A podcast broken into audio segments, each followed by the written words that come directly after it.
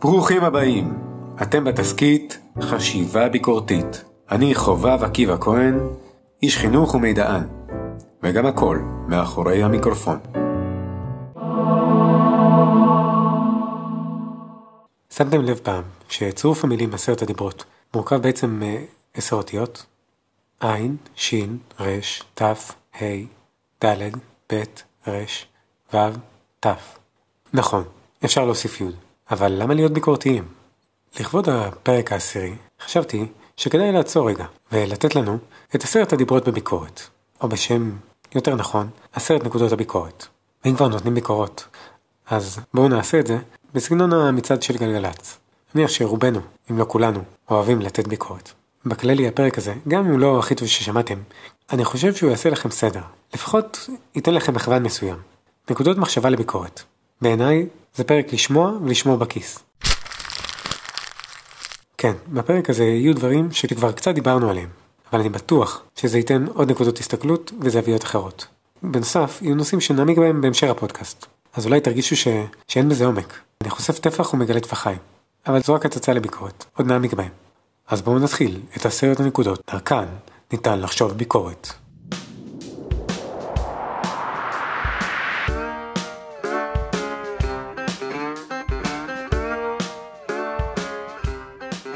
במקום העשירי. אנחנו חיים בעולם שבו יש המון שקרים ובדיות, ולא יודעים תמיד מה נכון או לא נכון. הביקורת הראשונה היא ביקורת הנכון. ביקורת מאוד בסיסית, וקצת בינארית. נכון שיש רצף של דברים, אבל אפשר ללכת יותר בסקאלה לכיוון הנכון, או לכיוון השקר. כל מידע שאנחנו צורכים, יש המון זבל, ואנחנו לפעמים מאכילים את עצמנו בזבל. כחלק מהבינה המלאכותית, ועוד לפני זה, אנחנו כמו חיפושיות זבל, לוקחים זבל ששמענו, קראנו במקום אחד, ומעבירים אותו למקום אחר. שומרים לעצמנו את הזבל, בתיקיות. אז נקודה ראשונה של ביקורת זה להבין אם זה זבל, שקר או סילוף. לעשות את ההבדל בין עובדה לדעה. ללכת עם הדרך לאמת. האם מה שאני אומר נכון? איך אני יודע את זה? הצבתי מקורות? העמקתי בזה? זה אמין? באמת שמי שרוצה להעמיק בזה, כדאי שיחזור לפרק 2.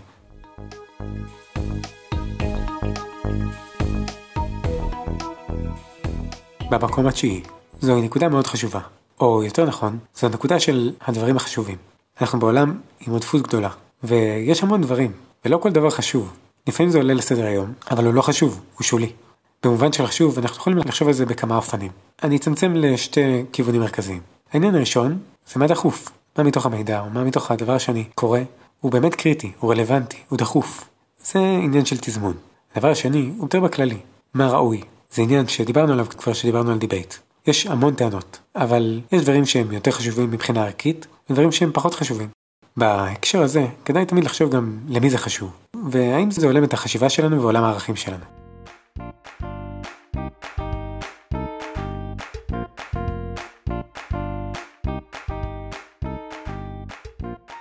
במקום השמיני. זו אולי הביקורת עם הכי הרבה שמות, כי זה לא תמיד דבר אחד. זה מרגיש קצת שאין לזה צורה. אם ננסה להכליל לזה, זו צורה. זה יכול להיות מבנה. נגיד בכתיבה, יש לנו מבנה של השוואה, יתרונות חסרונות, בעד ונגד. יש לנו עניין כרונולוגי, לפי אירועים, לפי שלבים. יש לנו סיבה ותוצאה, גורם ופתרון, תוצאה ותוצר, שאלות ותשובות. מהפרט אל הכלל ומהכלל אל הפרט. יש לנו גם פורמטים, אם זה בדיחה, תסריט או סלוגן, סיור מוחין, ערך אנציקלופדי, בלוג, הסכם, פוסט, ברכה, שיר, וזה רק על כתיבה, כן?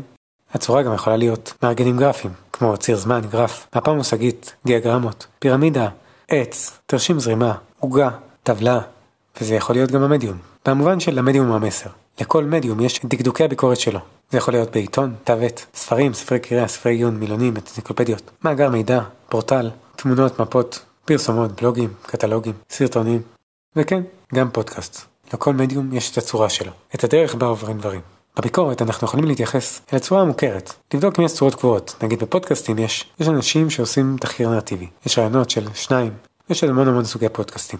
גם איך שאני מעביר את המידע כעת, יש לזה מסר, זו דרך מסוימת, שאפשר לבקר אותה. וגם, אם מחפשים יותר לעומק, אפשר לראות את הצורה, לחפש איפה יש לו נקודות שבירה, או נקודות אי בהירות.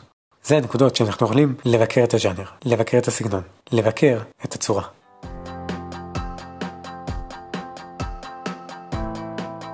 במקום השביעי, אחד מהדברים שאני הכי שונא זה אותיות קטנות. הם לא סתם שם.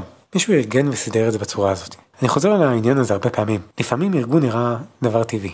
כאילו זה אמור להיות ככה. זה ברור שאם אמרתי שזה 10 וזה 7, אז יש ביניהם היררכיה. אבל בעצם אני קבעתי אותה, ולרוב זה לא יותר מזה. אנשים קובעים את הסדר, מסדרים דברים לפעמים כדי לבלבל, לפעמים כדי לדייק איזה מסר.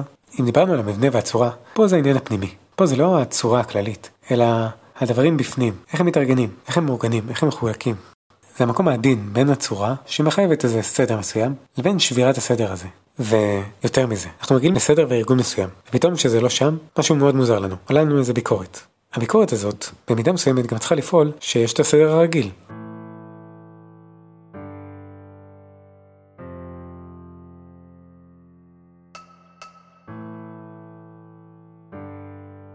במקום השישי, קודם כל בואו ניכנס למקדש. מקדש ארבעת האלילים. זה המקום להטיות שלנו. אנחנו לא רובוטים, וגם רובוטים יש להם הטיות. לכולנו יש הטיות מסוימות. לפני שאנחנו מגישים למידע, שאנחנו עוסקים במידע. נלך לפרנסיס בייקון, הוא יגיד לנו שיש ארבעת אלילים. אלילי השבט, אלה שהם החולשות הטבעיות והנטיות שלנו, כמו הרצון לקפוץ למסקנות, או לסמוך על החושים. יש את אלילי המערה, וזה הדוקטרינות, הדוגמות והדעות, שבהם אדם מחזיק בלי לערער על הנכונות שלהם. דברים שהם נקודות מוצא. הנחה מתוך הניסיון והחינוך שלנו. יש את אלילי השוק, התפיסות שהן מוטבעות בנו מתוך שימוש לא נכון בשפה. השפה שמגדירה דברים שהם לא קיימים במציאות, או שאנחנו מכירים איזו הגדרה שגויה וחסרה. ויש את אלילי התיאטרון. אלה דברים שהם נובעים מפילוסופית חיים שלנו, השקפות עולם, שלא באמת העמדנו במבחן. הן נראות כמו המציאות, הן חיקוי של המציאות, אבל הן לא המציאות עצמה. אה, תודה פרנסיס בייקון, בוא ניכנס לקרקס.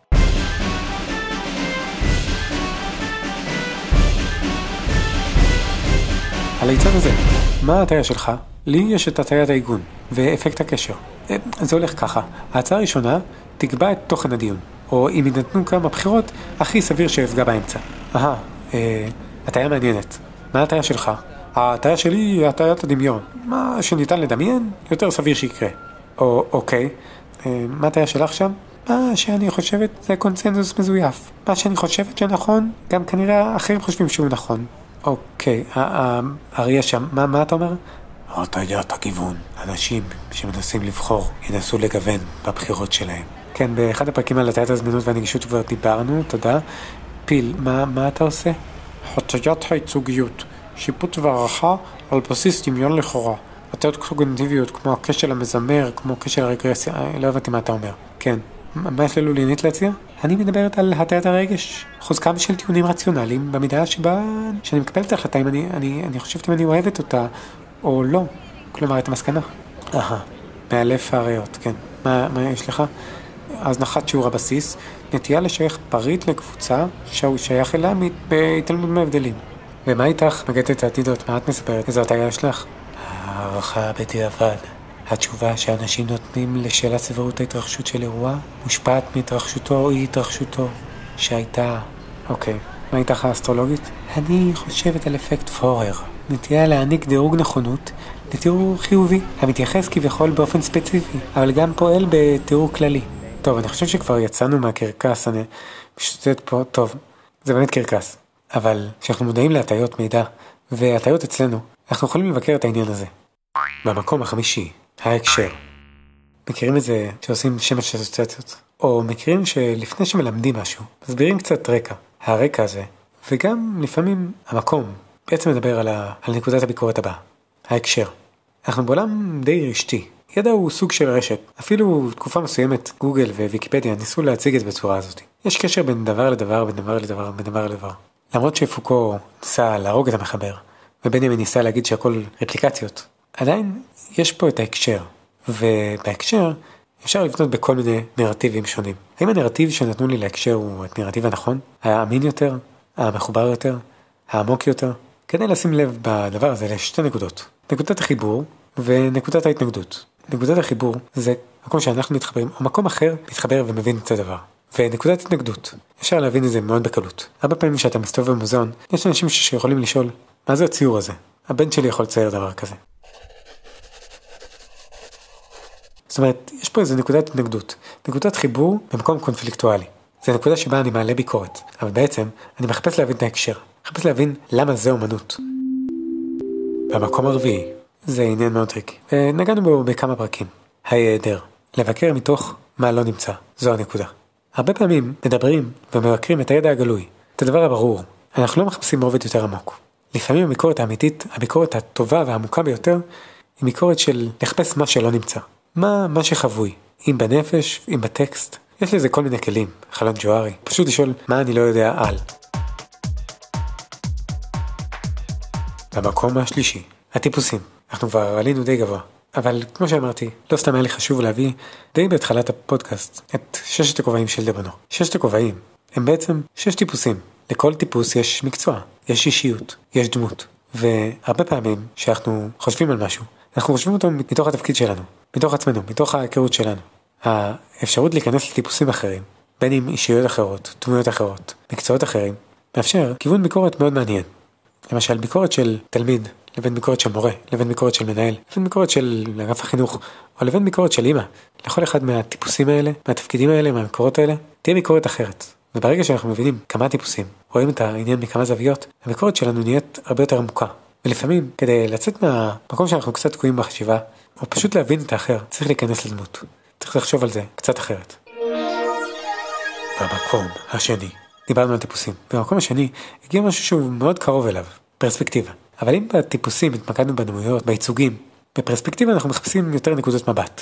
אפשר לחשוב על זה כתורת הממדים. נקודה שהופכת להיות קו, שהופך להיות קו שמתחבר עם פינה, שהופך להיות ממד רביעי, שהופך להיות עוד מימד ועוד מימד. לחשוב על זה חברתית, אפשר לחשוב מתוך עצמנו, או לחשוב מתוך המשפחה או החברים, ואז קהילה, עיר, עולם, אנושות, חייזרים, יקום, יקומים מקבילים. טוב, נסחפתי. אבל העניין שלפעמים, בנקודת המבט שלי, אני רואה את הדברים בצורה אחת, אבל אם אני כמו הממסד, או כמו קהילה, לצאת מהנקודה שאני נמצא בה, למרחבים עצומים שאפילו אנחנו לא יכולים לחשוב עליהם. זה הפרספקטיבה, נקודת המבט. תחשבו כמו בגוגל ארף. אני יכול להיות האדם שעל הגבעה, אני יכול לראות את הדבר מקרוב, ולהגדיל את העדשה וללכת כמה שיותר רחב. אני כביכול אראה את אותו דבר, אבל אני אראה דברים לגמרי שונים, בזוויות שונות. זה הכיוון.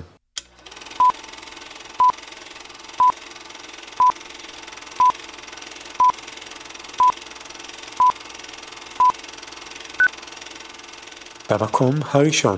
כמו תמיד, כשבוחרים מקום ראשון, לא תמיד מסכים איתו. לרוב, אפילו אני לא כל כך מסכים עם מצעד של גלגלצ. אצלי זה לא היה ראשון. אתם יכולים לחשוב גם ככה. אתם יכולים להיות ביקורתיים. מעולה. נסו לחשוב מה עבורכם העשירייה. אבל אני אגיד מה עבורי, זו נקודה ראשונה. אולי זו הנקודה של בכלל, להניע את החשיבה.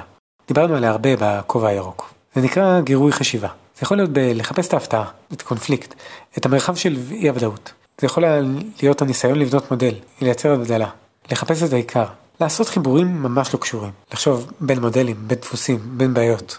זה יכול להיות בלחפש את ההפוך, לחפש את הפרובוקציה. זה יכול להיות שימוש באקראיות, זה יכול להיות רצף אסוציאציות. ובבסיס זה פשוט ניסיון לחשוב אחרת, לחפש איך לקדם את החשיבה. זו אולי ביקורת חשובה עבורי, כי אחד הדברים שקורים הרבה בחשיבה, זה המקום שהמוח אוהב להיות אוטומטי. יש כל כך הרבה דברים שקורים, שקשה לחשוב, באמת קשה לחשוב. ולחשוב מצריך אנרגיה, מצריך שבאמת נחשוב על זה, שנקדם מחשבות, וזה כשלעצמו חתיכת עבודה. אבל זו הנקודה הראשונית, זו נקודת הביקורת. לצאת מזרם החשיבה ולחפש אופקים אחרים. להיות המים, להגיב למציאות.